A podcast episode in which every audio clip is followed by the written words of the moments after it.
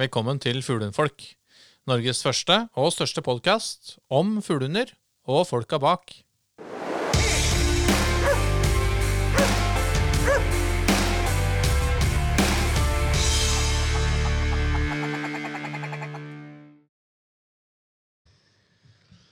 Ja, gutter.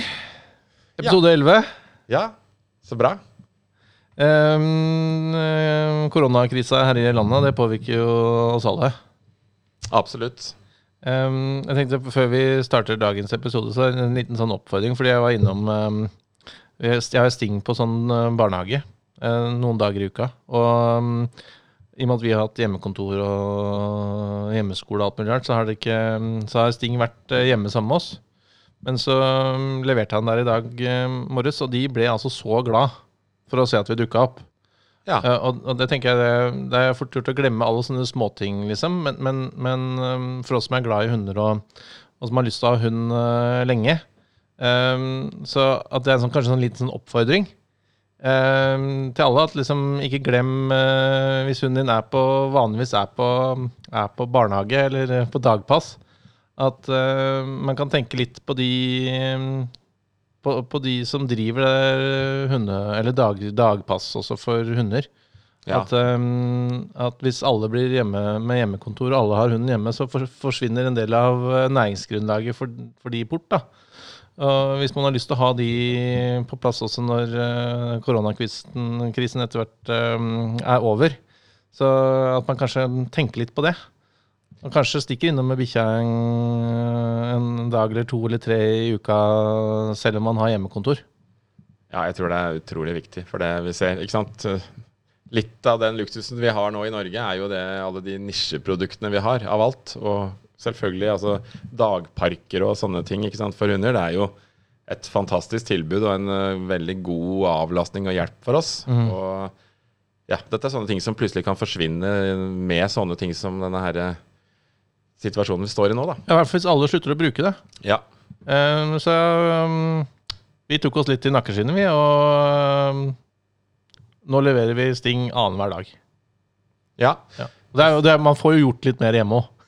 Det er klart. Det er helt klart. Og det, man har ofte Folk er hjemme og tenker at man da heller ikke kanskje har behov for akkurat sånn den type hjelp, da. ikke mm. sant? Mm. Det er jo noe man bruker fordi at man er på jobb sjøl. Og hvis mm. man sitter hjemme i stua, så syns man det er koselig å ha bikkja hjemme. Og det har jeg jo stor forståelse for. Men, men hun har jo kanskje litt uh, godt av å komme ut, løpe og mosjonere seg, og ikke minst sosialisere seg. Veldig. Så, det er en bitte liten sånn oppfordring, egentlig. Altså, ikke slutt å bruke de eh, støttefunksjonene til hunden som man normalt sett bruker.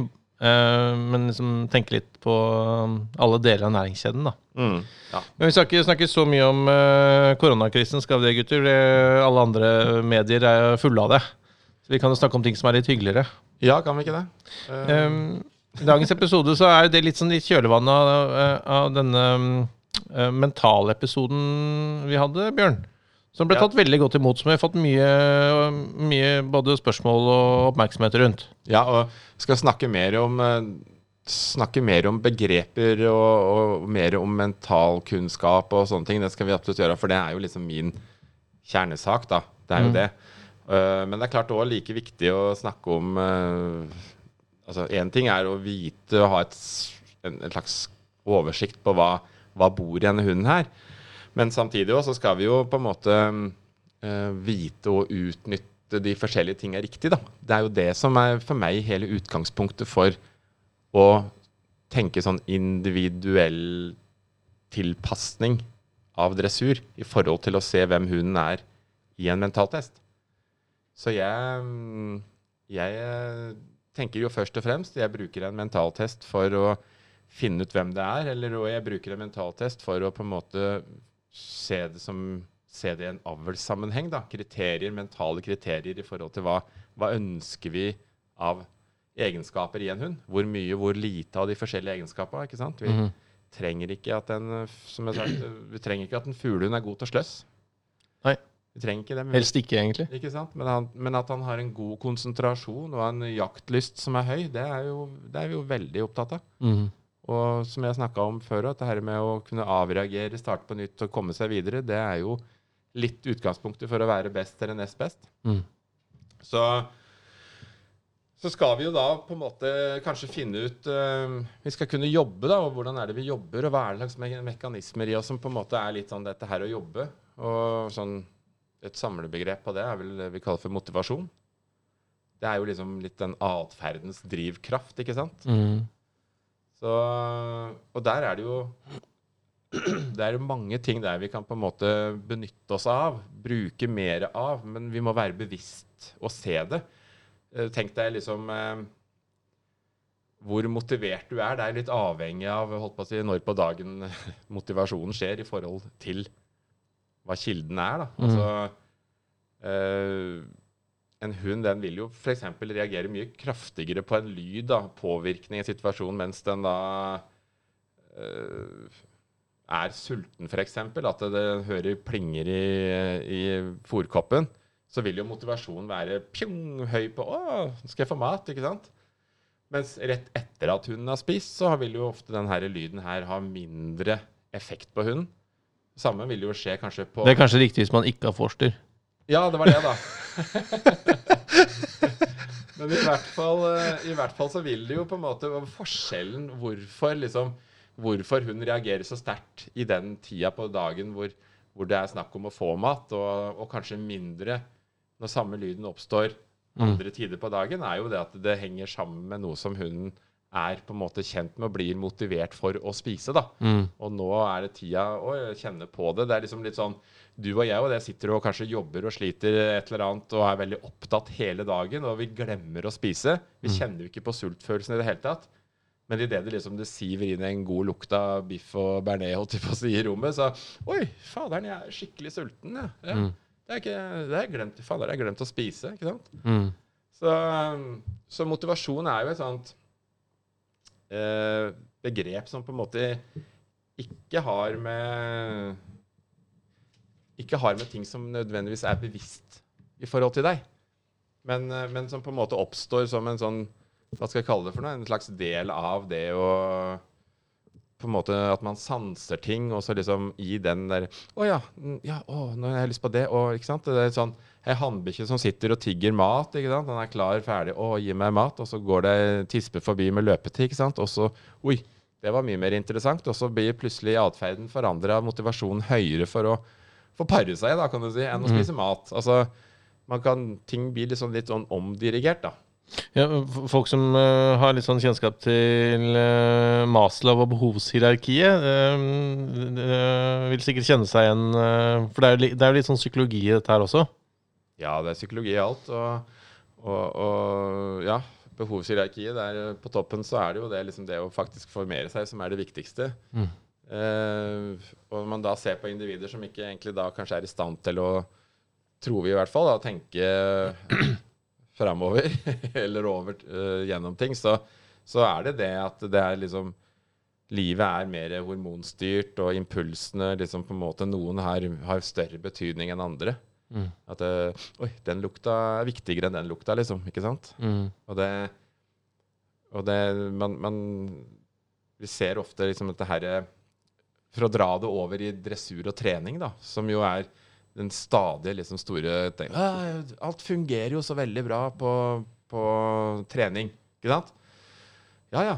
Og så på appellplassen, der som hunden på en måte er vant til å jobbe med disse tinga her, så, så fungerer dette her 100% fordi at hunden har en slags sånn for, litt sånn forutinntatthet. For han vet hva som skal skje der. Han vet hva han blir belønna for. ikke sant? Han har, og det, altså det blir en slutthandling i hver, hver ting hun jobber med, da, som gjør at hun på en måte opparbeider seg mer og mer liksom, motivasjon for å drive med dette her, og, og lykkes i det. Den har en sånn selvbekreftende liksom eh, eh, hva skal jeg si, energi som på en måte gjør at etter hvert altså Det er veldig viktig å kanskje bruke belønninger og sånne ting i starten når man jobber for å få opp motivasjon, men sånn etter hvert så vil jo på en måte dette her på en måte forsterke seg sjøl gjennom at hun ser Å, nå skal vi ut og løpe, og nå skal, vi, nå skal jeg inn der, ikke sant. Nå skal jeg slippes i fjellet, og jeg vet hva, og nå får jeg dekkene på meg, ikke sant. Oi, det betyr nå skal jeg jakte. Jakte er det beste jeg vet. Og så går hunden over i et litt høyere motivasjonsnivå da, enn det vi kanskje er vant til i forhold til når vi trener hjemme. ikke sant? Mm. Og så fungerer ikke dressuren. Mm. Han setter seg ikke ute. ikke? Han kommer, han hører meg ikke, han ser meg ikke. Hvorfor det? ikke sant? Og det, det kanskje vi skal forstå litt ut ifra, akkurat dette her med hvor motivert hunden er for det den skal gjøre, og hva er det som står høyest i skallen på den akkurat nå. Mm. Så der tror jeg vi skal uh, være litt sånn uh, uh, flinkere, da kanskje, eller hva man skal si, til å, til å tenke at uh, OK, det som fungerer her Ja, jeg, jeg trener, jeg starter jobbingen min i et veldig sånn lite Eller et ganske sterilt uh, miljø, ikke sant, for at læring skal bli best mulig. Og så bygger jeg på med påvirkninger eller med miljøforandringer som gjør at det, dette her faktisk fungerer uansett hvor jeg er, da. Mm. Sitt er jo Folk trener jo sitt ved siden av sitt på venstre side, som pent som det, men sitt er jo foran, bak det og rundt det og overalt. ikke sant? I alle mulige rare avstander. Og, ikke sant? og hvis du kun har trent sitt ved siden av deg på venstresida di, så, så, så fungerer det jo egentlig bare der. Mm. Hun bør ikke engang skjønne hva sitt betyr, hvis du på en måte roper sitt til den på avstand. Altså, det er du kan for avstanden til venstre fot er fryktelig lang. Ja, også, også hunden er veldig sånn eh, Assosierer veldig og, og, og lærer veldig i bilder. Og, og de som på en måte har trent opp apport på en hund, vil skjønne veldig godt hva jeg sier. Fordi forskjellen i bildet, da så Når vi tenker Nå bare blar jeg litt inn i systemet apport, og så tenker jeg at når vi, når vi skal på en måte få hunden til første gang å kanskje ta apportbukken ifra bakken, da da, da er det veldig viktig at du har hånda di ved siden av bukken. Fordi at hvis du fjerner hånda di og liksom lar bare bukken ligge på bakken, så, så kjenner ikke hunden at bildet. Du behøver ikke å ta på bukken, men bare du, bare du fører hånda ned igjen ved siden av bukken, så kjenner hunden plutselig bildet. Og så å, tar den apport. ikke sant? Så du må bare suksessivt fjerne hånda di vekk fra bildet, sånn at hunden ser det rene bildet da, med bukken uten deg. Altså Det er sånne små ting. Man tenker ikke over det, men det er så lite som skal til for at man ikke eh, skjønner hva man egentlig snakker om.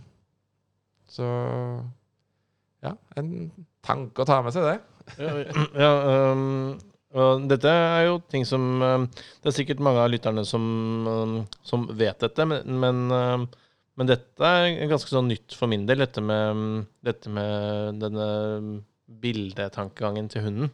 Ja. Um, og det er klart at um, da skjønner jeg jo at uh, overgangen mellom å trene uh, sitcom her bli um, eh, hjemme på stuegulvet fungerer, men hvis man er i tolv sekunder møter vind på fjellet og skal gjøre det samme, ja. så er det jo ingenting som er likt. Nei, og, og det er et sånt veldig sånn uh, over, overordna Skal jeg si for noe eh, tanke i forhold til det med å trene dressur, er jo alltid å starte inne og mer minst, ikke sant? Og så gjøre det så enkelt som mulig. Og så bygger man på både i, i, i, i avstand, og kanskje du demper stemma di litt, og du liksom Altså alle ting som på en måte kan eh, gjøres som forandringer. Det, det må komme som ting etter hvert. da. Mm. Men at man starter helt enkelt, og, så, og, og, og er klar over da at det, da fungerer det her. Det fungerer ikke noe annet sted enn akkurat her. Og det, det ser du jo. altså Slipp hunden ut, den hører deg ikke. Du må, du må jobbe dette her inn i forskjellige miljøer. Jeg har jo hørt flere kommentere dette med at du skal jo ikke trene sitt hele livet, liksom. Ja, og det er så veldig sant, det. Men det, det handler jo bare det om at vi, når vi skal lære sitt, den gangen vi kanskje skal lære sitt, da, så, så lærer vi bare sitt ved siden av oss på venstre sida, ikke sant? Men sitt-begrepet er så mye større. Altså hvis vi virkelig hadde lært hunden sitt inn i marg og bein gjennom å sitte foran og bak og rundt og hei og hå, ikke sant? Så hadde vi lært hunden oss kanskje sitt for en gang for alle. Mm. Men i og med at vi tenker at det sitt ved siden av oss betyr det samme som sitt overalt, så Det gjør det ikke. Så nei, da skjønner vi jo fort det at uh, sitt faktisk uh, ikke fungerer, da. Annet enn akkurat på appellplassen når hun hunden går i bånd og du sier sitt og han går fint på venstresida. Da Mm. smekker han rumpa rett ned, og alt er veldig vakkert. Mhm. Så det, det er bare starten, det. Ja. Så man skal ikke trene sitt resten av livet, men man skal trene sitt i ganske mange ulike situasjoner. Før man eh, kan konkludere med at uh, ja, min hund kan sitt kommando. Ikke sant? Det er så enkelt, men så vanskelig. Ja.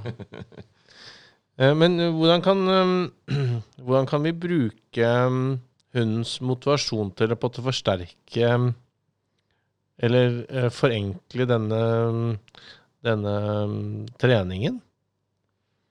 Nei, altså Motivasjon er jo Du kan si det at hvis, hvis hunden er motivert for det den skal trene på, Mm. så går jo alt mye enklere inn. Mm. At man blir, man blir mer konsentrert, ikke minst. Og i konsentrasjon så heter det så, så vil det jo si at da lærer man jo lettere òg. Mm. Så, så i den grad du klarer å på en måte dra hunden opp i et, i et sånt motivasjonsnivå hvor på en måte hunden er da veldig eh, klar for å samarbeide med deg om de tinga som du vil at den skal gjøre, da, Mm. så, så er det liksom eh, veldig sånn selvforsterkende etter hvert. Han, han, han eh, Men kan vi se på hunden at den er Eller hvordan For en som er, um, er nybegynner, hvordan, hvordan, hvordan ser man om si- hunden er motivert? generelt så kan du jo si det at eh, motivasjon er jo litt sånn eh, eh, direkte Altså det er liksom retta mot eh, mot én ting. Altså den har på en måte eh, Hva skal jeg si for noe? At den har et, eh, den har et fokus imot det som du på en måte vil at den skal være opp imot, da. Eh, hvis du drar motivasjonen i forhold til stress, så er jo stress et mer sånn aktiviseringsnivå som er generelt. Altså alle ting på en måte blir forhøya, mens i motivasjon så blir på en måte den er liksom mer spesifikk. da. Den går på det du skal jobbe med. Så det er viktig at du faktisk er klar over hva du, hva du på en måte gir hunden en slags innspill i forhold til det du skal drive med. da. At det faktisk er relevant i forhold til motivasjonen. Mhm. Sånn at det, det er dumt å gjøre hunden på en måte motivert for noe helt annet enn det du skal jobbe med. Altså på så, Dra det så enkelt som Det er greit å ikke ha et kurs, eh, kan du si, et grunnkurs hvor det er løpske tisper. F.eks. i kurset, og så har du ikke sant, Hele kurset blir ødelagt av, eh, for de hannhundene som er der. da. Fordi Mm. at motivasjonen blir eh, styrt mot feil ting. Ja. Man tenker med sånn teenager i huet, ikke sant? I Mm. stedet for uh, Det store hodet. Stor, ja, du sa det.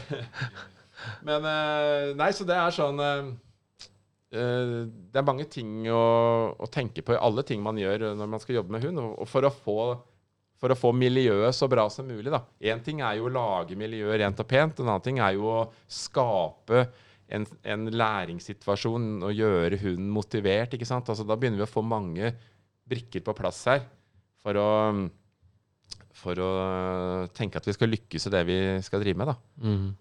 Og um, Det er sikkert flere av lytterne som kan relatere, relatere seg til dette med um, I og med at nå har vi hatt hjemmeskole i 14 dager. ja, Dette med å på at klare å skape en, en læringssituasjon og en, en sånn, en, en, noen- øyeblikk av konsentrasjon, da. Um, I kombinasjon med hjemmeskole og en hund som skal på tur og, og, og hjemmekontor.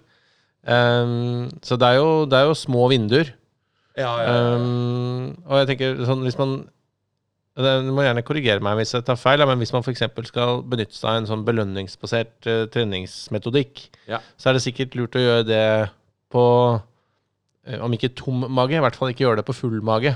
For eksempel, ja. eh, Det kan jo være en smart ting å tenke litt sånn eh, Men belønning i seg sjøl, ikke sant. Altså hvis alt Man skal styre belønningen òg, da. Hvis man velger å på en måte bruke belønning, så, så den største feilen folk gjør da, er jo at de belønner hver gang. Mm. Ikke sant? For det, det er jo det Det er jo en kjent sak, det at eh, At eh, eh, Litt sånn sleipt Sånn enarma banditt, banditter, ikke sant? Mm. Grunnen til at folk blir hekta på det, er jo det at man aldri vet når man vinner, eller hvor mye man vinner. Det er tanken om å vinne. Ja, ikke sant? Hvis man vant Hvis man vant fem Hvis man puttet på en femkroning og vant fire kroner hver gang man dro i den der greia, Mm. så var det ingen som hadde giddet å stått og dratt i den greia, ikke sant? Og sånn, eh, og sånn er det jo eh, Hvis vi tenker oss dette her som dette her såkalte habitueringsprinsippet, da. Altså at, at ting slukner på en måte i effekt når det oppstår eh, ofte i tid. Altså pleier, det er veldig, Den veldig enkle måten å se det på er jo dette her med å gå inn på en skytterbane. Mm. Og de første gangene det smeller rundt deg på en skytterbane, så skvetter du skikkelig. ikke sant? Mm. Men når du har stått der en eh, kvarter, halvtime, så enser du ikke lenger skuddene. Altså effekten av de lydene blir på en måte borte. Det blir liksom eh, Har ikke den virkningen lenger, fordi det oppstår så ofte. Men det blir en del av miljøbildet. Ja, det Mm. oppstår ofte i tid. Sånn er det jo med belønning òg. Hvis du belønner hele tida, så vil denne habitueringseffekten tre inn og gjøre at eh, belønningen i seg sjøl ikke lenger har så stor, eh, Stor effekt. stor effekt. Nei. Så man vanner det på en måte litt ut. Rett og slett. Rett og slett.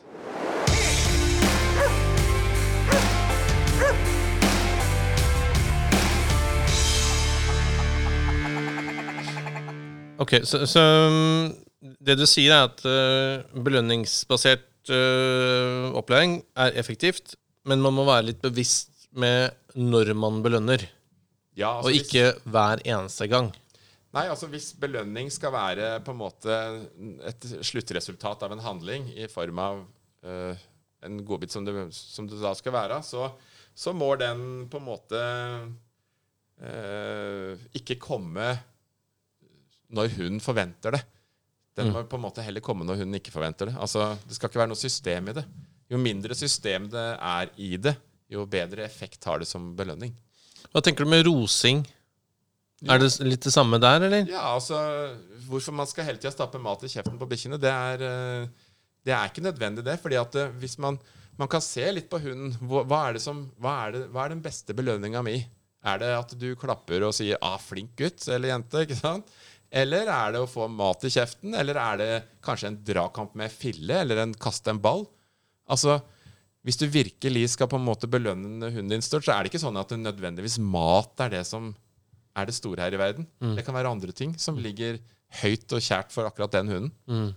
Så mm, Men det gjelder det samme med, med filleball, øh, Ja, ja. klapp, kos eller ros. At man, øh, at man ikke kan gjøre det, eller ikke bør gjøre det hver eneste gang, fordi øh, det skjer en habitering.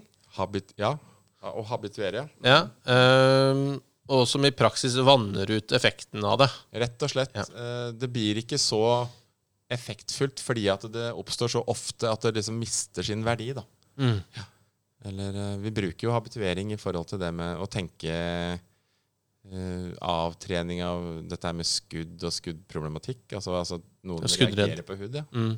Skuddredde hunder kan du knapt gjøre noe med, men skuddberørte hunder kan du gjøre noe med. Ja. Mm, Det er en stor forskjell der. eh, Og for øvrig òg en arvelig egenskap. Da. Det å være skuddredd. ja. Som er viktig. Men det kan vi ta i en annen, en annen setting. Mm. Så, men i hvert fall um, tenke på de tinga der, da. Og, og, og det er mange småting her som på en måte Og vi snakker jo veldig generelt nå, ikke sant? Men vi ser her en små input som, som at det er mange ting som som kan stikke litt pinner i hjula, ikke sant? Mm. Og som kanskje bremser litt av, av effekten her, og, og hva vi kan få ut av det. Mm. Altså, er du flink Det er ikke sikkert du er bevisst på det engang, men du er flink til å gjøre disse tingene her. Du er konsekvent. Du, du bruker ting i et system. Det er ikke sikkert du helt skjønner hva du gjør sjøl, alt, men, men, men i den grad du på en måte er bevisst på det, da, eller eh, i grad du får til ting, så er det kanskje fordi at du gjør ting riktig. Tenker jeg. Mm. Så, um, og så har vi det å gå turen ut da, i skogen og skog og mark, og så eh, påfører vi kanskje hunden litt mer en sånn eh, høyere aktivisering, altså høy motivasjon i forhold til ting, og som på en måte går over i stress. Da Og da tenker jeg på dette her med f.eks. å kaste pinner. For idet du tar en pinne opp og holder den foran hunden, så jager du den litt opp. Ja, se, se, se, ikke sant? Og så kaster den av gårde. Og idet du eh, kaster den av gårde, ikke sant, så forventes det da, da blir det sånn da blir det mer sånn en slags handlingsberedskap ikke sant? som bygger opp liksom hunden klar for uh, fit for fight. ikke sant? Nå skal jeg ut og løpe. Nå skal jeg hente den pinnen, for nå kommer far til å kaste den pinnen for meg. Og da må jeg være klar til å løpe og hente den pinnen. ikke sant? Og i det, i det du gjør det nok ganger, da, Mm. så begynner hunden å assosiere pinnen med høy aktivitet. ikke sant? Idet han ser pinnen, så tenker han å, nå skal jeg ut og hente den pinnen, for nå skal far kaste den. Det er helt sikkert. Og, og hver gang Dette er jo ikke apporttrening. dette er, har ingenting med apporttrening å gjøre. Det har med å skape den pinneidioten, da, som vi kaller den. Det kan godt være ballidiot, eller det kan være filleidiot, whatever. ikke sant? Men det er, det- det er for mye, da. Det er det å drive for mye med dette her. Og som, da kommer det ut av kontroll, og vi aktiviserer et system da, som på en måte eh, er skapt for litt mer sånn fight or flight ikke sant, i hunden. Mm. Det, det, og, og disse tingene her som vi kaller stress, det er liksom eh, De aktiviserer egne hormoner, stresshormoner, ikke sant, som ikke er bra å, å, å dra opp for mye av. Fordi de gangene hun trenger disse hormonene, sånn sett, er jo egentlig mer i en sånn fight-flight-situasjon. ikke sant? Det er enten å kjempe for livet, eller å flykte for livet, eller å innhente noe for å spise det opp. Altså sånne ting som gjør at det, hun trenger den der boosten, da, som på en måte blir den derre eh, ekstra bensinen. Altså du putter på litt rakettbensin akkurat i en liten periode for å faktisk nå ting, ikke sant? Og alt dette her aktiviseres som jeg sa, gjennom hormoner. Og, og disse hormonene her, de, de blir jo skapt på et eget sted i, i verden. I, i, i, Dette er liksom på det turboen i hunden, egentlig. ja, det er såkalt Den ekstra giret, liksom. Ja, ja, ja. Mm. Og binerbarken er jo der hvor stresshormonet blir skapt. da. Mm. Og man har sånn, eh, For å si det sånn, helt biologisk sett så vet man jo det at eh, hvis disse her hormonene blir aktivisert altfor mye og for ofte, og hunden på en måte står i et, sånn, et stressmiljø over tid, Mm. så vil faktisk selve organet, det som produserer hormonet, utvide seg og bli forstørra. Det blir overstimulert. Ja, rett og slett. Og på den måten også, så vil du jo få en hund som aldri finner roa. da. Den er liksom pipete og urolig og sånne ting, fordi at eh, verden har aktivisert den for mye. Og, og, og, og det har gjort at selve liksom, produksjonen av hormonet har blitt for, for høye over tid, og som har gjort at selve organet liksom har på en måte blitt for, forstørra og produserer generelt for mye av dette her. Og da er vi virkelig ute og padler, da. Ja, for jeg tenker eh, Hvis man eh, har misforstått eh, denne, dette turbogiret eh, og har tenkt at det å hente pinne, det stimulerer en sånn, en, en sånn apport eh, Og så har jeg fått en pinneidiot. Ja, fordi altså Er det liksom Er det kjørt? Eh, Jeg vil si det at eh, hvis hunden dras opp i Altså at den blir såpass høy at, her, eh, at han blir det vi definerer som en pinneidiot, så Eller balleidiot, eller hva ja, ja, som helst. og det, Ja. det er vanskelig å ta av dem. Ja, fordi er da er hunden i en sånn dette, Vi snakket jo litt om dette med, med, med, med burtilvenning òg. Ja. Så hvis hunden er for høyt oppe, så, og det kan man sikkert relatere til eh, Relatere til, eh, til barn også, at, at, at da er det vanskelig å få inn informasjon. Ja. Altså fordi hun er så høyt oppe, um, eller st- stressa, rett og slett, da.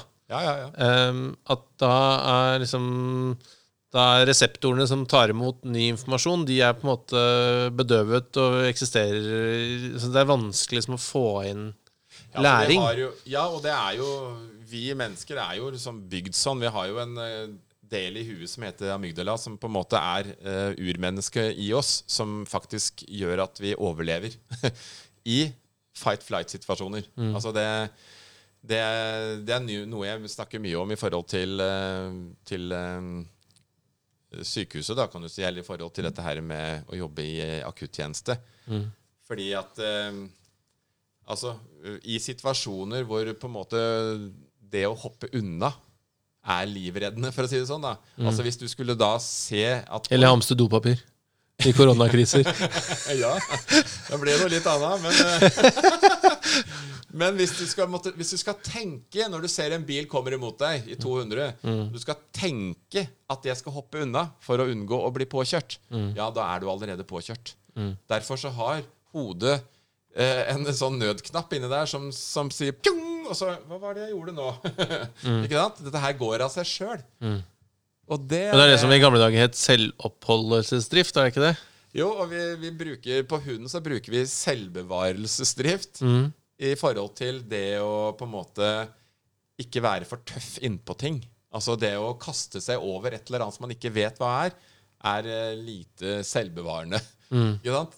Men det å på en måte bruke litt tid til å finne ut hva, hva er dette her, før man kaster seg inn eller sniker seg inn Jeg snakka vel eh, Eh, vel om det i forhold i mentalitetsbolken der i forhold til dette her med nysgjerrighet. At jeg ønsker at en hund skal bygge mot gjennom nysgjerrighet, i stedet for uh, gjennom å bare være født jævlig tøff og dum. Eh, på den måten så, så En sånn hund vil jo ha det vi kaller for selvbevarelsesdrift. ikke sant? Han vil tenke er dette smart, før han gjør ting. Ja, jeg, jeg, satt, um, jeg satt her og så på et sånt YouTube-klipp av noen som sto og kastet en ball over en sånn stor stein, for de syntes det var så gøy at hunden hoppa over steinen for å Ja. Og det er jo sånn Jeg, jeg ser for meg sånne skrekkeksempler uh, i fjellet, eksempel. ja. Fordi den hunden, hvis den på en måte har lært seg at det er helt ok å hoppe over svære steiner, ja. um, så kan jo det bli et fatalt um, Et fatalt tilfelle i fjellet. For det kan Ja. jo plutselig være 20 meter ned på Ikke sant? Og der, der har du jo men, Og der har du det hvor kan du si eh, at hvis man drifter hunden for høyt på ting, da, så mister den jo litt evnen til å faktisk være konsentrert og være til stede i seg sjøl. Og mister noe av dette her med selvbevarelsesdriften sin i forhold til det at, eh, at, ting, at ting blir dratt for langt. da. Vi skal være veldig klar over hva vi gjør for å på en måte påvirke hunden riktig. da. Til å, og ikke minst snakker vi igjen nå om dette her med rovdyrhunder og sånne ting. Altså hvis man på en måte Hvis man drar det det altfor langt i forhold til dette her med avling, avliving og kamp. Ikke sant? At, eh, at hunden din får lov til å, å skikkelig drepe en grevling og slåss med en grevling, og du, eller du, og du har et dødt skinn, f.eks., som du napper og drar i veldig mye, og, og hunden liksom får bygge opp veldig mye rundt, rundt det. da så har du en hund som plutselig slår over i stress og ikke er så konsentrert når den står overfor et levende dyr, f.eks. Et farlig dyr. Og da er det veldig fort gjort at ting misser, og at man ikke klarer å beregne ting, og så blir man sjøl bitt eller drept sjøl. Fordi det viktige her var jo kanskje egentlig å, å, å, å lære hunden å bruke huet, da. Og ikke, Riktig, liksom. Og ikke tenna. Ja, ja. Så der er det mange misforståelser. mm. Mm. Um, har du sånne Har du noen gode tips til um, Til hvordan man kan bruke dette sånn i, i, i hverdagen? Liksom, hvis man um, Mange av oss er i en sånn situasjon hvor, vi, er- hvor liksom muligheten for å komme seg ut og vekk og sånn er liksom begrensa. Der blir det ofte en del innetid, um, også på oss hundeeiere. Um, har du noen sånne gode råd, eller har du noen tips til aktivisering eller eh, treningsøvelser som, som vi kan holde på med litt, eller? Nei. Jo. Nei, nei men neste. Ja. Jo, men ikke sant? jeg tror variasjon er det viktigste. Og i hvert fall hvis du skal unngå hvis du skal unngå disse tingene vi snakker om her, mm. så er det jo akkurat variasjon som er nøkkelbegrepet. da. Fordi eh, at ting ikke skjer eh, eh, likt hele tida. At man uh, tenker, og, tenker litt sånn mikro i stedet for uh, voldsomt. Mm. Altså, ting kan jobbes med på nært hold. Man må ikke nødvendigvis ut på 100 meter, ikke sant? Og svært sjelden så er det ingenting man starter med langt ute heller. Men eh, tenk, eh, prøve å jobbe i, kanskje i hagen, og få til de tinga som man merker, eller føler at det er litt vanskelig. Eh, eh, og, og prøve å putte på, på forstyrrelser, ikke sant? Eh, ting som gjør at du, hunden fyrer andre ting, da. Mm. Og at man, at han, men at han fortsatt da klarer å holde motivasjonen for det han skal jobbe med. Mm. Og kanskje se at uh, her kan jeg kanskje motivere enda mer. Altså, det gjør ikke noe om han er enda litt tøffere på dette her, fordi jeg ser at uh, andre ting lett tar konsentrasjonen vekk fra, fra det vi jobber med.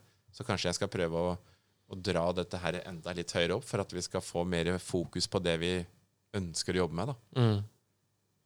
Og det er kanskje sånn um, en oppfordring til lytterne våre også, som um, veldig mange av oss er i den samme situasjonen om dagen. Så hvis noen har noen, uh, noen kule um, noen kule øvelser eller å dele, med, å dele med oss, uh, gjerne på Instagram. Vi har jo blitt utfordra et par ganger de to foregående ukene med litt sånne med, med, noen øvelser. Det er bare kult, og det, og det, tror jeg veldig mange andre lyttere også kan ha stor glede av. da.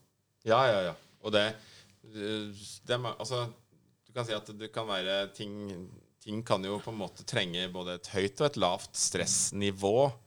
Eh, eh kall det heller kanskje motivasjon, et høyt motivasjonsnivå da, i forhold til eh, ting som skal skje. Og, og, og, og man kan f.eks. jobbe med spor, som jo på en måte mer da krever et eh, lavt stressnivå. ikke sant? At ting mm. skal gå hun skal kunne faktisk eh, ta seg Bruke nesa riktig og få et vanskelig spor. Altså man kan gå et spor på asfalt da, etter hvert. ikke sant? Mm. Og, og, og, da trenger man virkelig en hund som eh, ikke har det for travelt i huet, men er i stand til å konsentrere seg om det. Ja. Og så har du dette her med uh, hva, hva, hva, kan vi bruke et høyt stressnivå til? Jo, vi kan f.eks. kortdistanse hundeløp hund, eh, den hunden den trenger eh, alt av fight flight i seg for å full fart og, og full gass. ikke sant? Og det er eh, en begrenset distanse, så det er ikke farlig i forhold til det. Men for en langdistanse vil jo kreve en hund som kanskje tenker litt mer taktisk. da, ikke sant? Mm. Mens en kortdistanse mer handler om å komme i mål fortest mulig. Mm. Og da er det mer ønskelig òg med et stress, høyere stressnivå i akkurat den, i den perioden. da. Mm. Så det er mange ting å tenke i forhold til motivasjon, stress og alle de tinga der òg. Mm. Ok. Dette her er jo et, um, et stort tema. Ja, og uh, jeg tenker liksom generelt nå, for dette, dette her kan du jo bruke i alt. Altså, når du, skal, når du skal lære inn det ene eller det andre eller det tredje, mm. så, så, er jo dette her noe av det som uh, Som ligger litt bak i forhold til det man skal drive med, av den tekniske treninga. Mm. Slik at man må tenke på at eh, liksom, ja, stressnivå, motivasjonsnivå, slike ting. Hva er det som påvirker ting her nå? Er det løpske tisper rundt her? Forstyrrelse? forstyrrelse hva, er, hva betyr høy, høy, motivasjon i innlæring? ikke sant? Jo, den høyere blir en raskere innlæring på ting som du er motivert for. Sånn er det jo med oss alle sammen. Mm. Så, og det med å f.eks. trene hunder i full galopp over lang tid, at det kanskje ikke er så smart. Mm. Fordi da kjører man hunden i en sånn uh, forhøya modus som gjør at hunden hele tida produserer stresshormoner. Mm. Uh, vanskelig å se kanskje Jeg har spurt litt rundt omkring både i miljøer og sånne ting, men det er sånn litt hvis Altså Hunder kan ha levd et helt liv som, som kortdistanseløper og være en rolig pensjonist, men da har eieren jobba riktig òg, hele mm. veien. Mm. Og så kan du òg få en hund da som uh, på ikke så altfor lang sikt får denne her litt uroligheta i seg.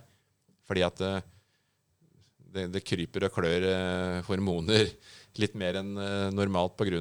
altfor høy aktivisering. Da. Mm. Og i, i galopp, eller i fight-flight-modus, som igjen altså er stresshormonproduserende og ødeleggende. Mm.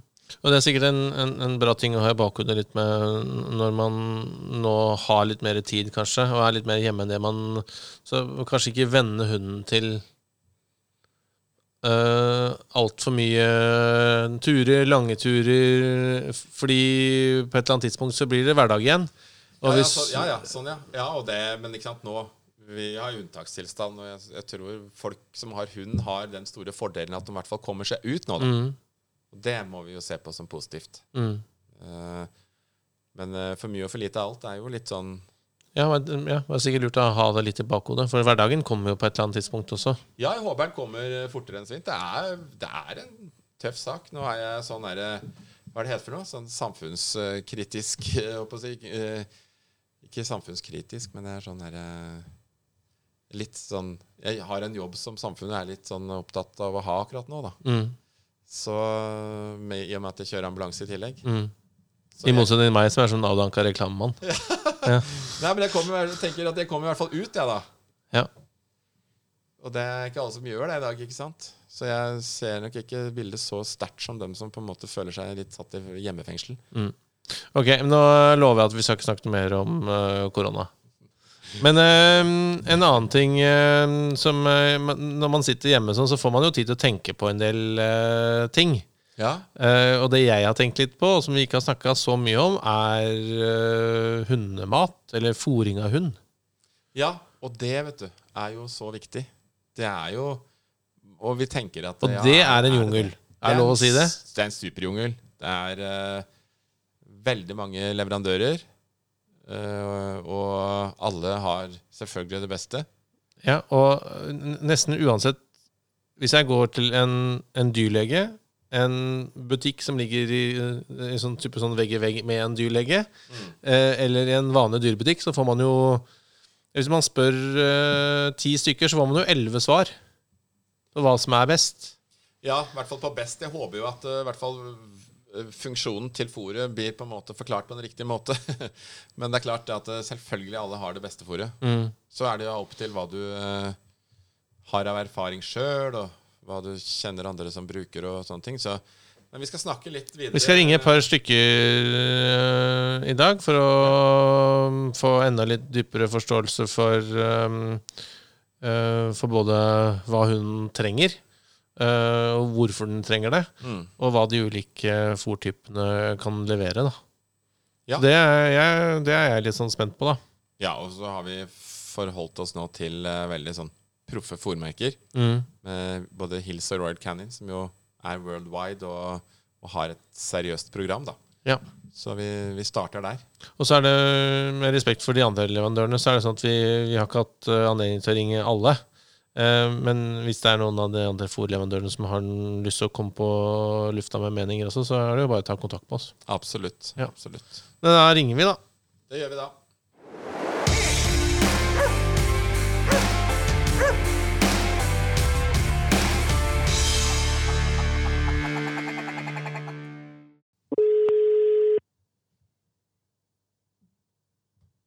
Er det? Hei, Milla. Det er Espen, eh, Bjørn og Torjus fra Fuglehundfolkpodden som ringer. Hei, Espen. Så hyggelig. Du, eh, vi har sittet og snakket litt rundt bordet her om, eh, om fôr. Mhm. Og da mm, er det naturlig å ringe til noen som kan det. Kan ikke, du, kan ikke du først si noen få ord om deg selv og hvor du jobber? Det kan jeg gjøre. Eh, Jeg heter Milla Nilsen.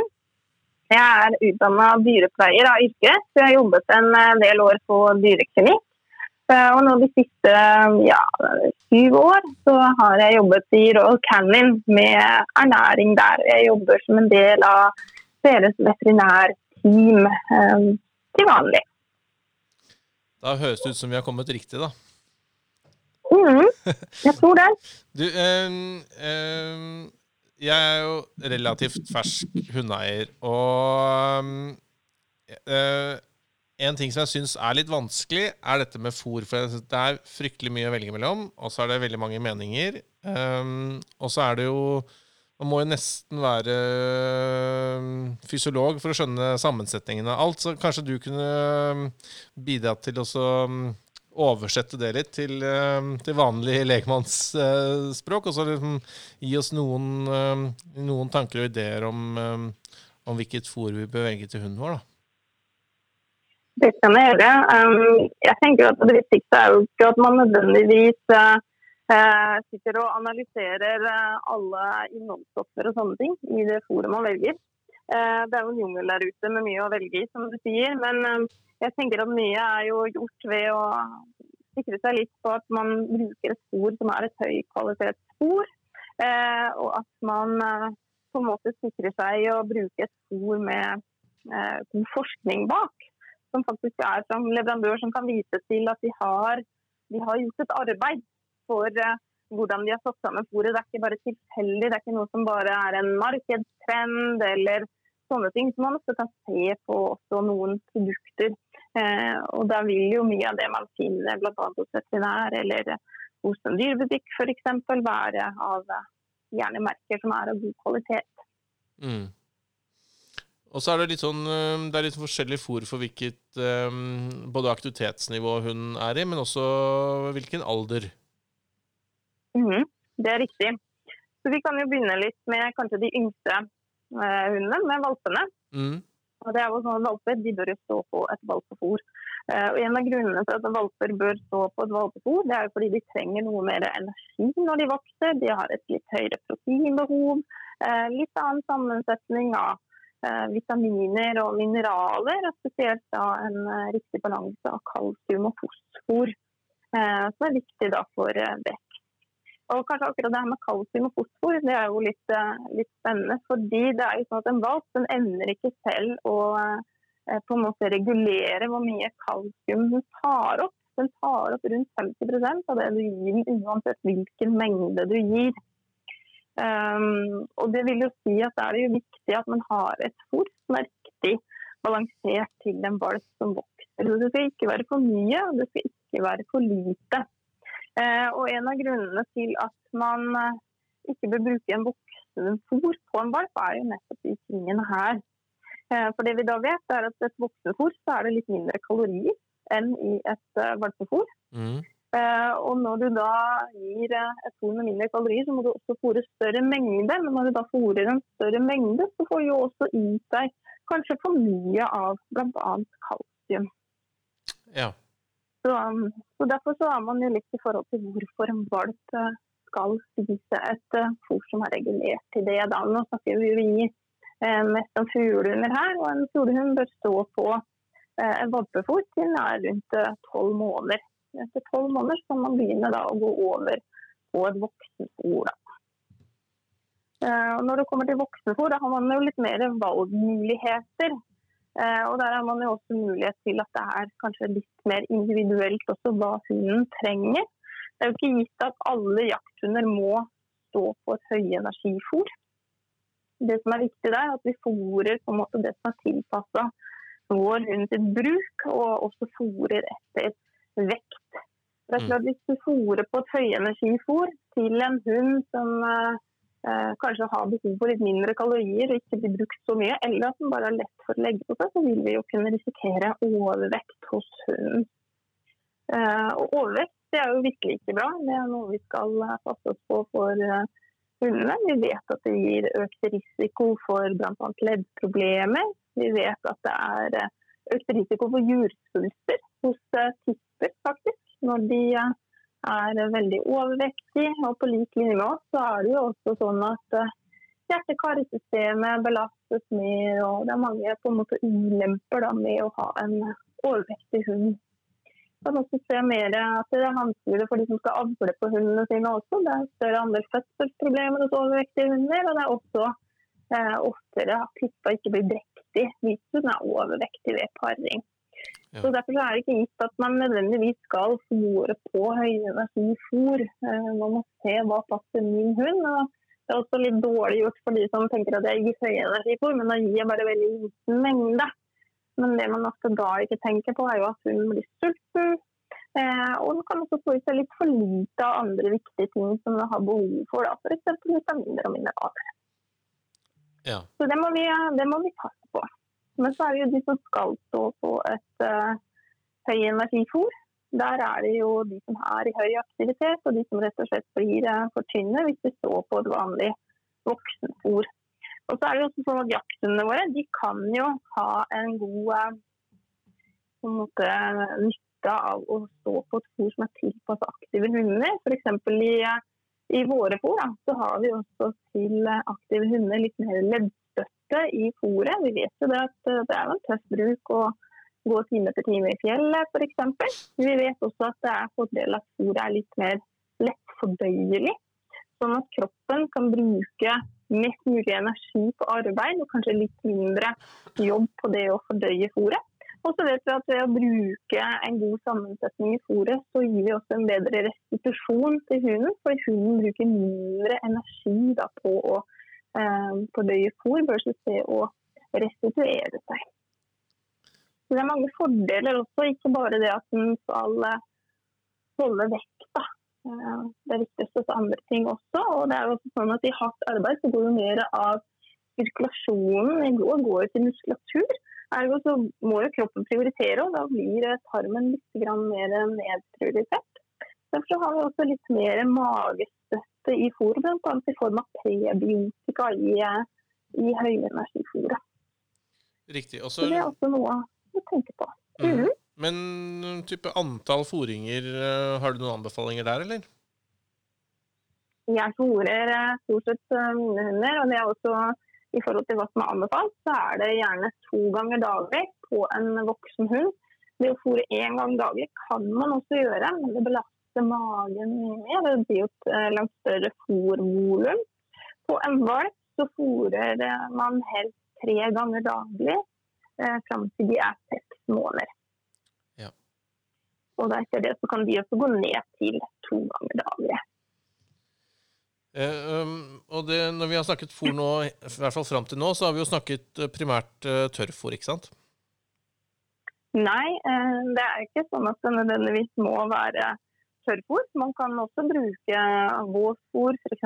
boksemat og, og, sånne ting, som er akkurat like god kvalitet som tørrfôr. Og mange leverandører har jo type boksemat f.eks. i eh, samme, samme type da, som det man har eh, tørrfôr. Da vil hun få i seg litt mer væske bl.a., og det kan også være fordelaktig. Ja, bruker du, bruker du våtfôret som supplement, eller som eh, eneste, eneste fôring da? Det kan du egentlig velge.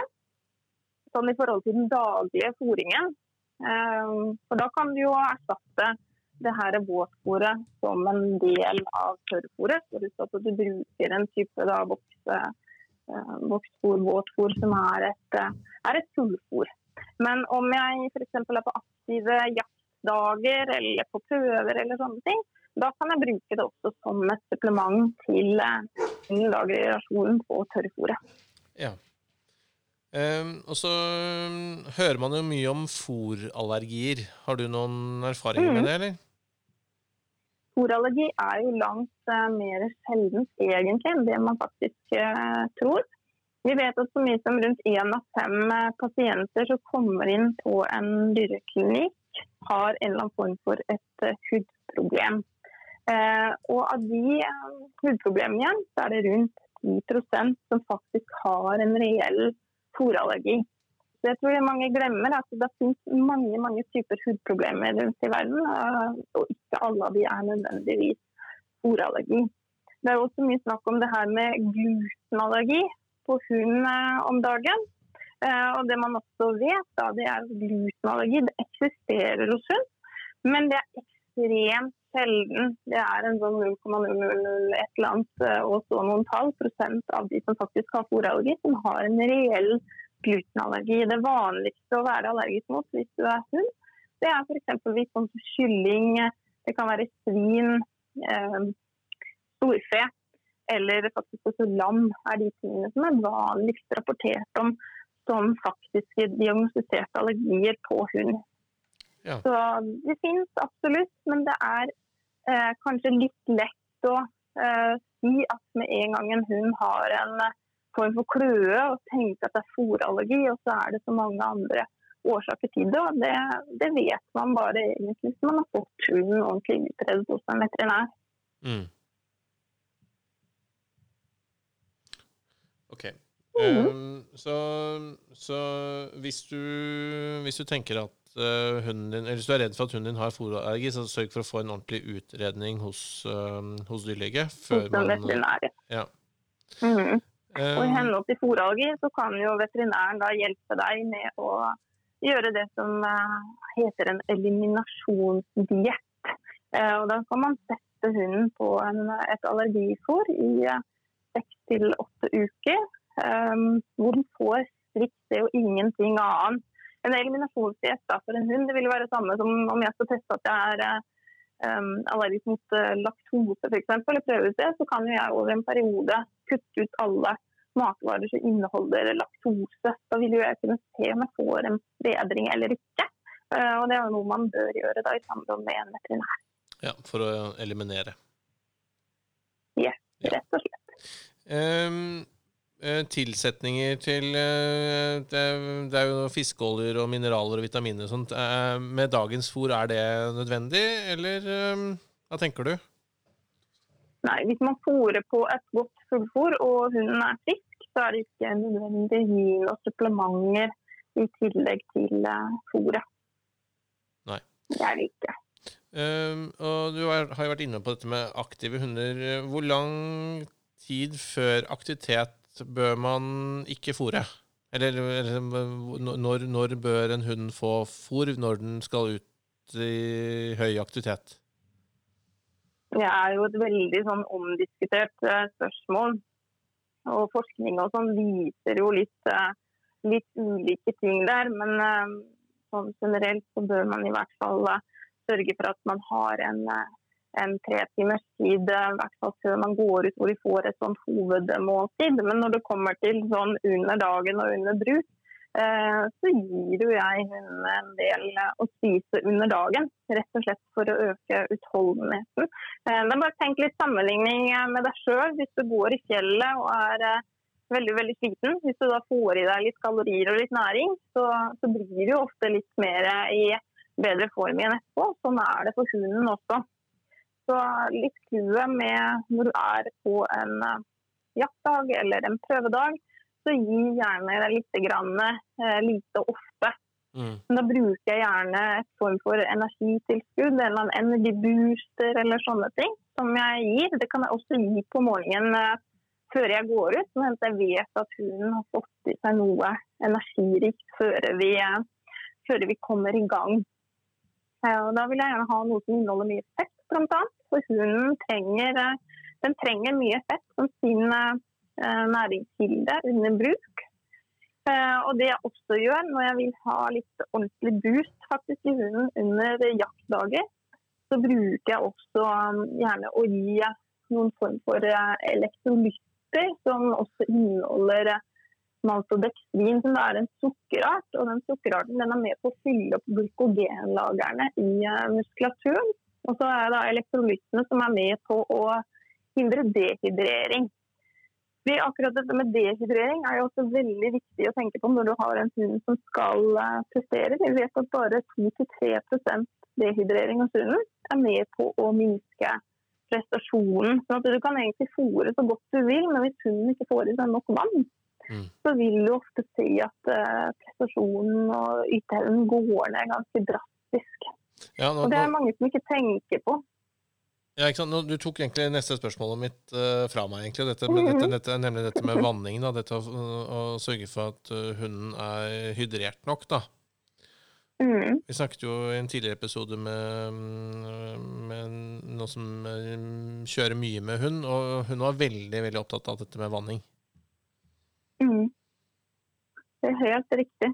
Og det er det samme. Så om jeg eksempelvis er på en jaktprøve, da, så det jeg gir, eh, når jeg gir hunden min da, noe å spise kanskje mellom slippene, en sånn eller noe, da slipper jeg også da oppi vannet, eller hvis jeg bruker et eller annet type boksefôr med mye energi og rører ut i vann til eh, en suppe, sånn at jeg vet at hunden får i seg både væske og energi.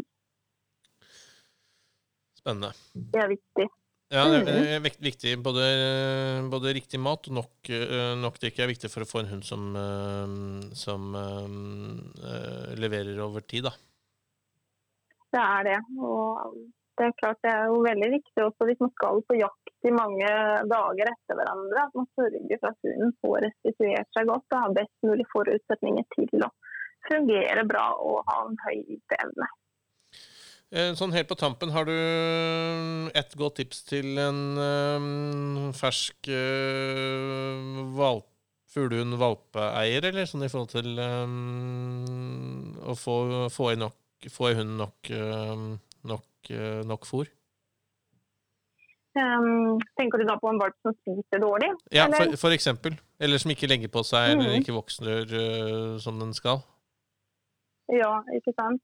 Og det, det, beste er jo å bruke bare et vanlig valpefôr. Men ellers så finnes det jo eh, produkter også faktisk som uh, har mer kalorier enn et ordinært eh, valpefôr. Eh, som man kan bruke. Eh, f.eks. så finnes det jo produkt hos veterinær som heter gastrointestinal puppy f.eks. Det er jo fôr som egentlig er laget til å støtte mage-tarm-pasienter som har skikkelig oppkast og diaré eller fordøyelsessensitiviteter. Mm. Men når vi vet at når de vi har diaré og oppkast, så er det veldig viktig å ha noe som er veldig lett fordøyelig, Mm. og som er lett opptagelig. eh, Og som også har mer kalorier og mer eh, på en måte fuel til, eh, fuel til kroppen. Så man kan faktisk bruke da et sånt type fôr.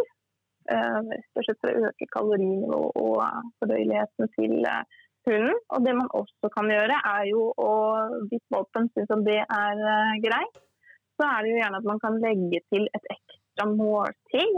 Sånn at man faktisk fôrer fire ganger om dagen i stedet for tre. Eh, og så er det jo så viktig kanskje med det her hvilke vaner man venner hunden til. Eh, hvis hunden er vant til å ha maten stående framme hele tiden, så er det jo ofte at det kan gjøre at de mange ganger spiser dårligere. Men hvis hunden ikke har spist i løpet av et kvarters tid, så ta heller bort maten, sånn at hunden venner seg til at det er nå jeg får mat, det er nå jeg har mulighet til å spise. Hvis jeg ikke gjør det, så forsvinner faktisk maten min. Mm. Eh, Og da lærer man de ofte mye bedre vaner enn de som på en måte da også istedenfor eh, begynner da å legge til masse andre godbiter, eller man eh, tar opp en masse leverpostei eller sånne ting, så venner jo også hunden seg til at eh, ja, men hvis jeg ikke spiser, så får jeg på en måte, på en måte noe ekstra godt. Det blir litt som med barn også. Hvis du, hvis du skulle eh, sagt til de at ja, men hvis du bare lar være å spise middagen din eller brødskivene dine nå, eh, og sitter og venter ut, så får du smågodt senere. Mm. Eh, og sånn lærer jo hunden seg også. De er ganske smarte. Ja, ehm, det har jeg ja, det har jeg erfart med Nå har vi, eller vi har forskjell, altså det, det å få inn Eller det å, det å mate han har ikke vært noe stort problem, men jeg vet jo det er flere som, ehm, som sliter med hunder som er litt sånn kresne på maten. Mm. Det er det. Eh, og noen hunder er nok det litt sånn av, eh, av natur. Eh, det er jo en del krefter som mener at også det her med appetitt og sånne ting er noe som ligger litt i, i arv. Det er ikke, nå har ikke jeg noe vitenskapelig bevis på det gjelder sånne ting. og det kan være det stemmer, det kan være det ikke stemmer. Men, eh, men det kan nok være noe i det. Altså, at noen hunder har rett og slett bedre appetitt enn enn andre. Det er som du sier, du har selv forster. Eh, Forsteren er ofte kjent for å ha en god appetitt og sjelden ha problemer med det, at de ikke spiser. Så, så da tenker jeg man må lære seg litt sin egen hund, faktisk. Eh, og bare huske på det her med å legge til av gode, gode fôringsvaner. Mm. Og, og vanningsvaner. Og vanningsvaner, ja. Helt klart. Og så er det jo også det under jaktdager, ikke sant? å finne ut hva er det som fungerer eh, best for min hund. Fungerer det best med å lage en sånn suppe med irørt oksemat for min hund, eller er det det å slippe noen sånne energy booster-biter ned i vannet? Liker hunden bedre bare å drikke rent vann? Er flink til å ta til seg vann på eget initiativ? Men de må prøve seg litt fram. Og kanskje også noe av det som er viktig, det er jo å prøve ut dette her litt kanskje før man går på jakt, eller før man går på en jaktprøve. For det mange også glemmer, er at de tenker at de skal gjøre alt riktig og ha et veldig godt fôringsregime på en jaktprøve. Og så har de faktisk aldri prøvd ut det her før de kommer dit. Eh, Så gjør det hjemme innen du skal i gang. Gjør det i forbindelse med noen langturer eller skiturer eller, eller treningsturer eller sånne ting. Ja. Så du vet hva som funker. Jeg tror, jeg, jeg tror jeg er et veldig godt tips, jeg, sånn helt avslutningsvis, eh, Milla. Tusen takk for, eh, for tiden din. Nå er dette med mat og fôring et ganske sånn stort tema, så det er mulig at vi ringer deg tilbake igjen, altså. Det får du bare gjøre. Ja. Det er bare hyggelig. Ja, supert. Takk for tiden din. Selv takk. Ha det. Ha det godt. Ha det.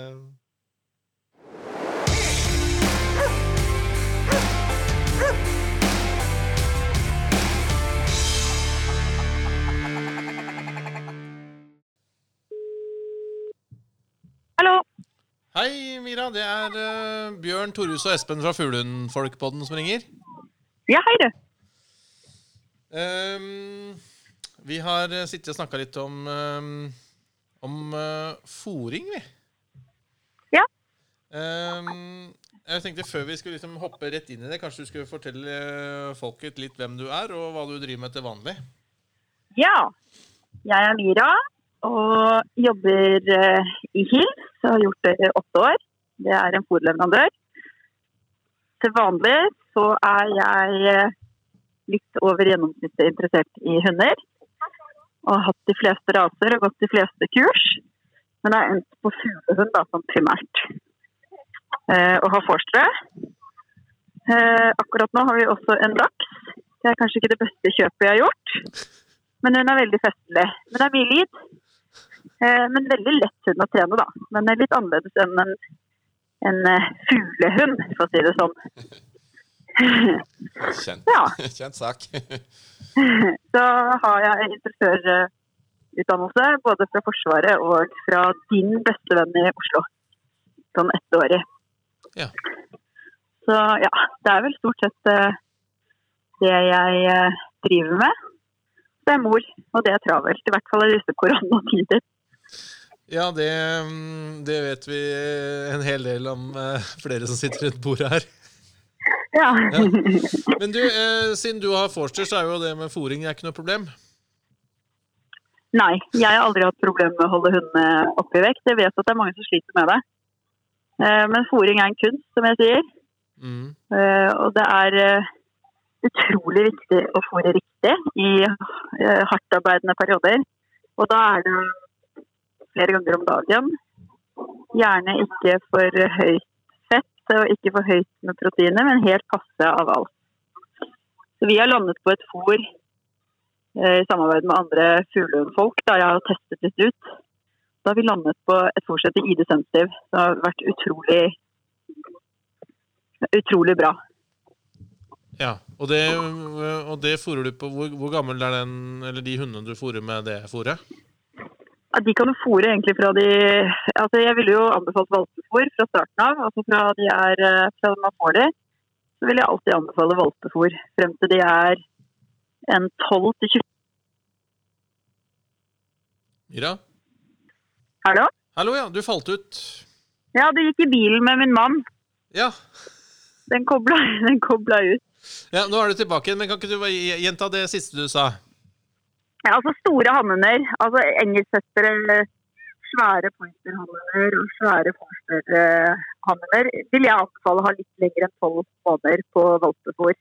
Ja. Eh, For de bruker litt lengre tid på å utvikle seg, og da er det greit med valpefôring, rett og slett.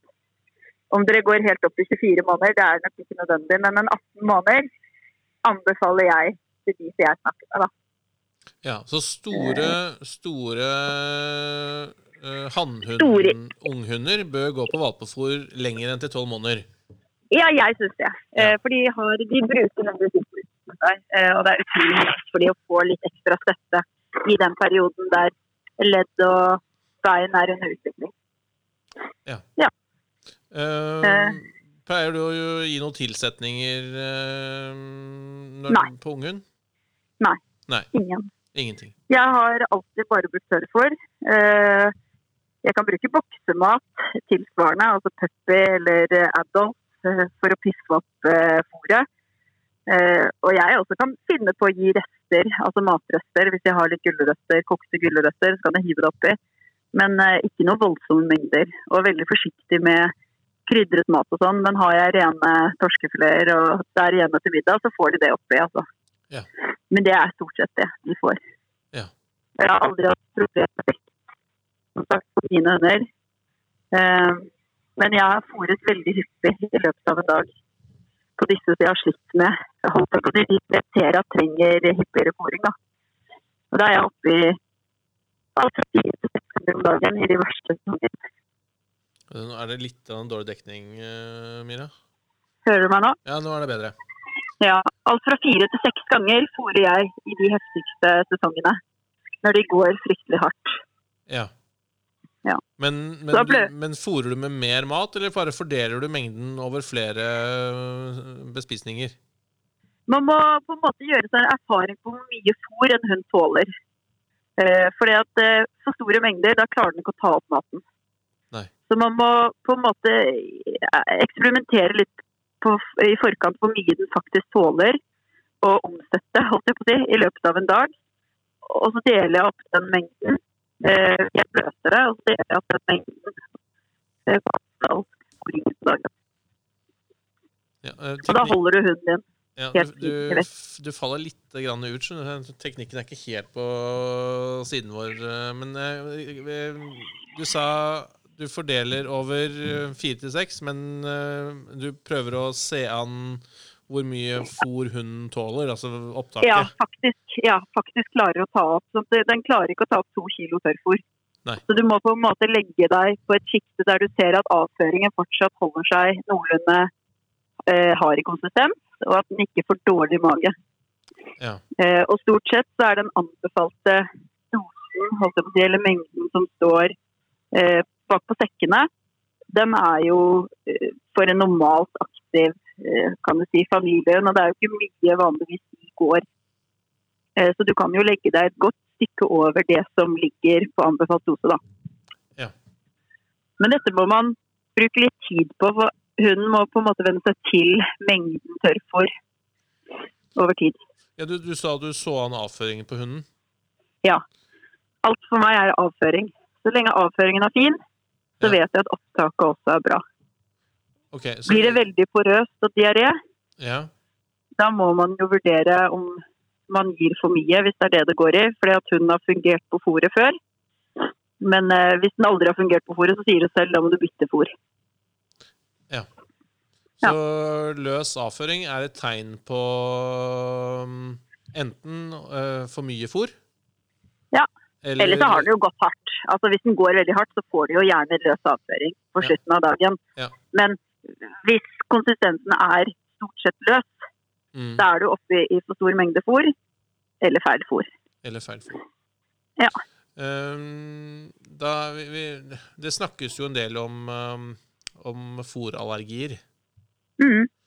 Um, har du noen erfaringer på området? Ja, jeg har personlig hatt en hund med allergi. Um, middeallergi er jo veldig hyppig. Det begynner å bli ganske hyppig med fuglehund nå. Det er jo også andre allergier. De kan håndteres veldig fint med riktig fôring.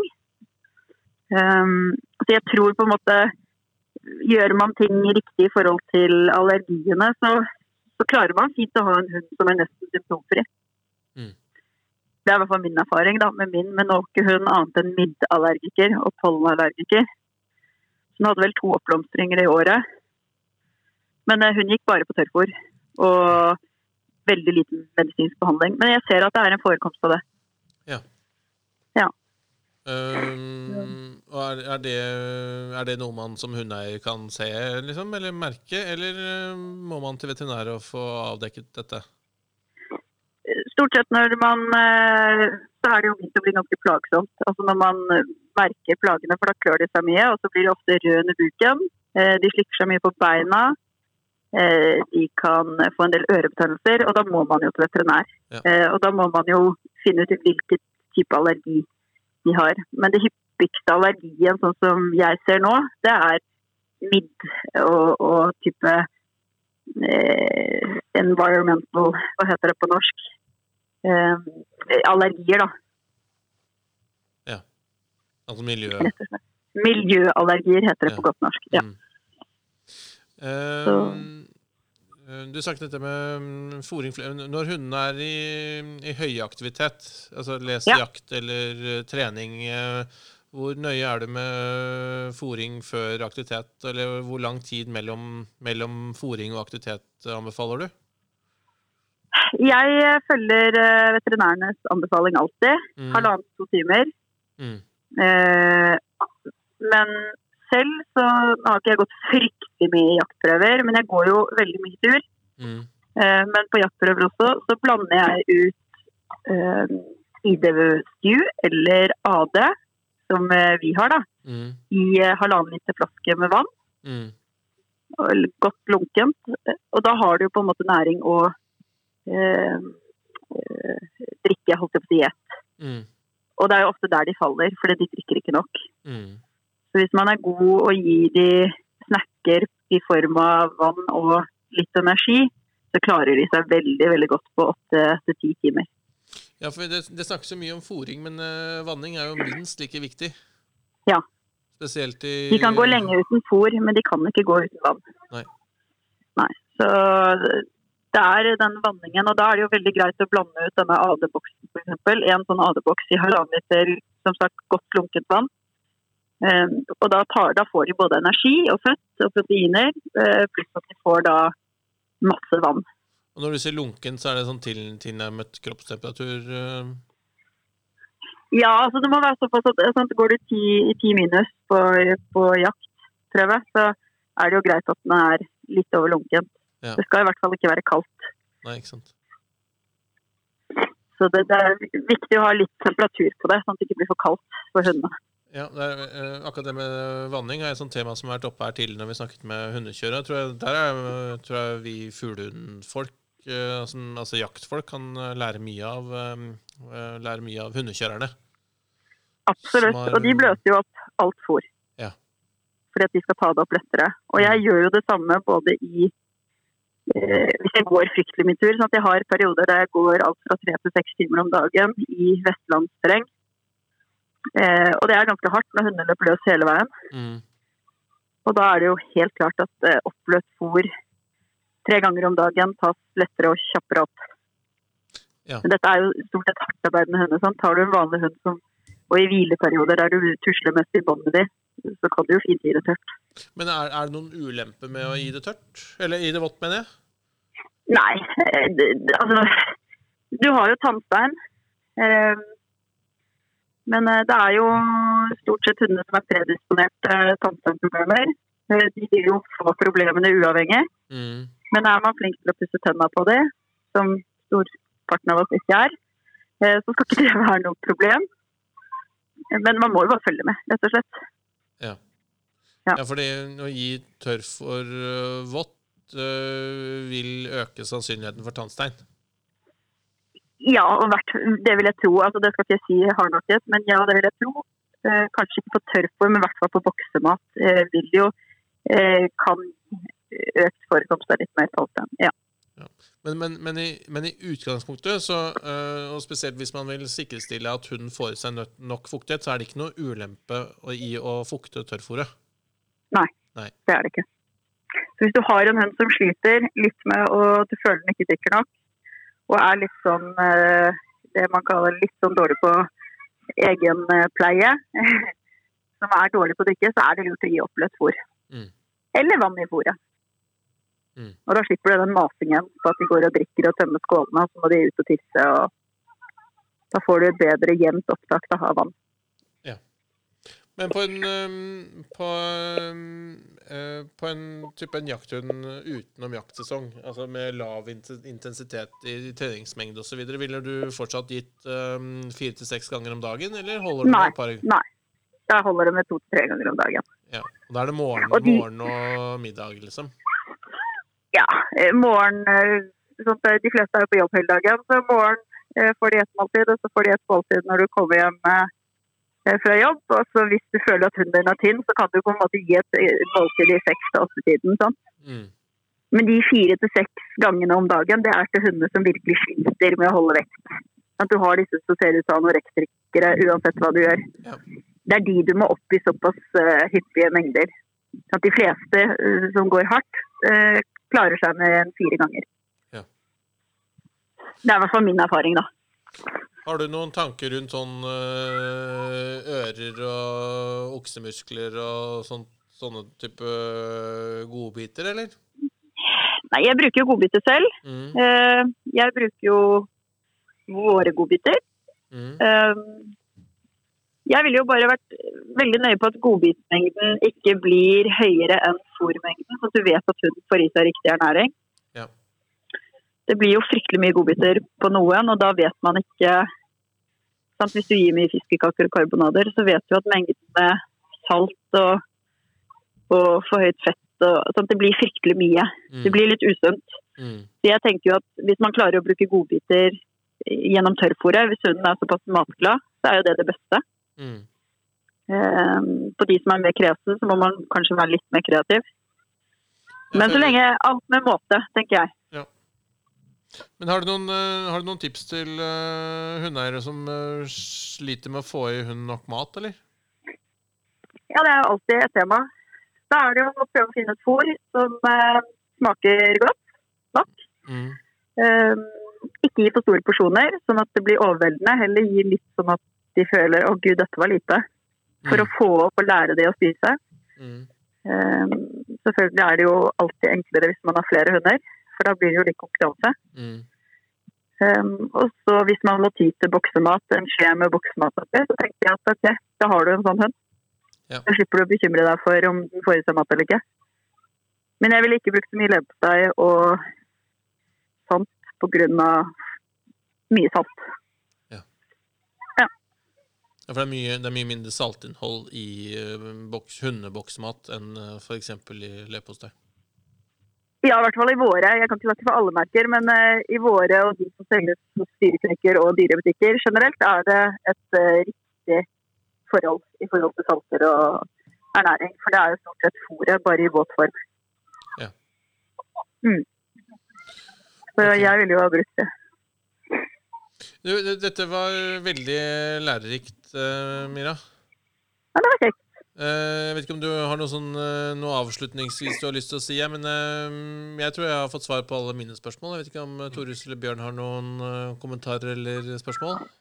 Nei, jeg syns det er eh, veldig spennende å høre på. Og jeg, jeg bruker jo ID Sensitiv sjøl her, og kjenner jo godt og er veldig enig i at det er et veldig bra, bra fôr å bruke. Mm. Ja, jeg tenker at det er en kunst å fôre hund, og det der å, å Mengde er jækla viktig. Blir det for store mengder, så vil det komme ut fortere, og det blir et dårlig opptak. Så jeg tenker så lenge man eh, Man må tenke seg litt om. Det er litt som å fôre en, eh, en eh, idrettsutøver.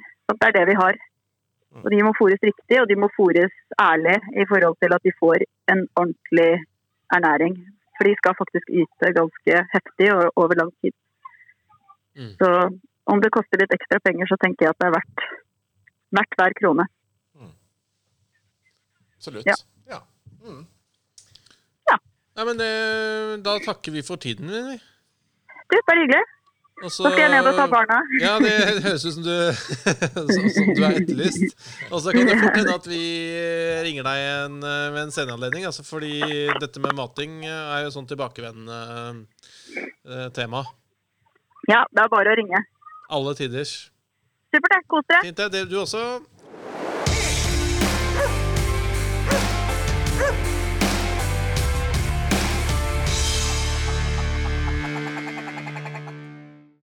Ja, Torjus, du har vært usedvanlig stille i dag. Ja. Slipper ikke til. Der fikk jeg den. Men du, eh, eh, aldri en episode uten eh, noen stamord. Nei, ikke sant? Eh, dagens ord er utredning. Utredning. Utredning. Eh, det er der eh, i det området en, eh, en hund har hatt stand. Enten det har vært fugl eller ikke har vært fugl i den standen, så, så skal hunden eh, søke da, nøye gjennom det området den hadde stand. da. Ofte så kan det sitte i en fugl. Ja, og det er da utredning. da. Det var, eh, det var Sita enig i. Mm. Ja. Nei, eh, ok, utredning. Det vil si at eh, etter at hunden har reist reist Ja. Hvis det var fugl i den Hvis det var fugl? ikke nødvendigvis det. nei, eller hvis det var en tomstand, Ja. så skal hunden Og det, dette ser man ofte. Det, det er en, det, det, her er det ofte mye halearbeid inne inn Ja. i bildet. ikke sant? Hvor han er veldig ivrig på å, å søke ferdig det området hvor fuglen har sittet eller satt. Ja. Mm. Der sitter det ofte igjen fugl, da. Som trykker enda litt uh, mer enn de andre. Yes. Bjørn? Ja, nei, det er, og det er veldig viktig at hun på en måte har en utreder der, der det skjedde, ikke sant? For det kan gjerne sitte igjen noe der. Mm. Noen etterslengere. Ja, og, og det, er jo, det er jo mye av det der som jeg prata om, dette her med å ut, altså det med å avreagere og komme videre og jobbe, jobbe seg ut. Noen hunder ser fuglen flyr, og så sier du ja, ikke sant? Og, og mener på en måte utred. Mm. Men da ser vi at noen hunder da bare kaster seg av gårde etter fluktretningen til fuglene. Mm. Ikke sant? Og i fluktretningen til fuglene så er det ikke noe mer fugl. Nei. Der er det ingenting der. Nei, og det kan jo potensielt da ødelegge en fin skuddsituasjon på det gjenværende fugl. Ja, for hvis hunden da klarer å i stedet eh, snu og gå inn der som fuglen kom ifra, Mm. det er jo der eventuelt disse her gjenliggerne sitter. Ikke sant? Og da utreder han, og da finner han de, og så får vi en ny sjanse. Og så er det jo ikke minst det er veldig kult å se på. Ja, ja, ja. Oi, ja. Og det er eh, Du ser når hundene får litt erfaring, så ser du hvor liksom, kloke de er da, i forhold til eh, den jobben de skal gjøre der. Ok. Dagens, uh, dagens stamord er utredning. Ja. Bra jobba.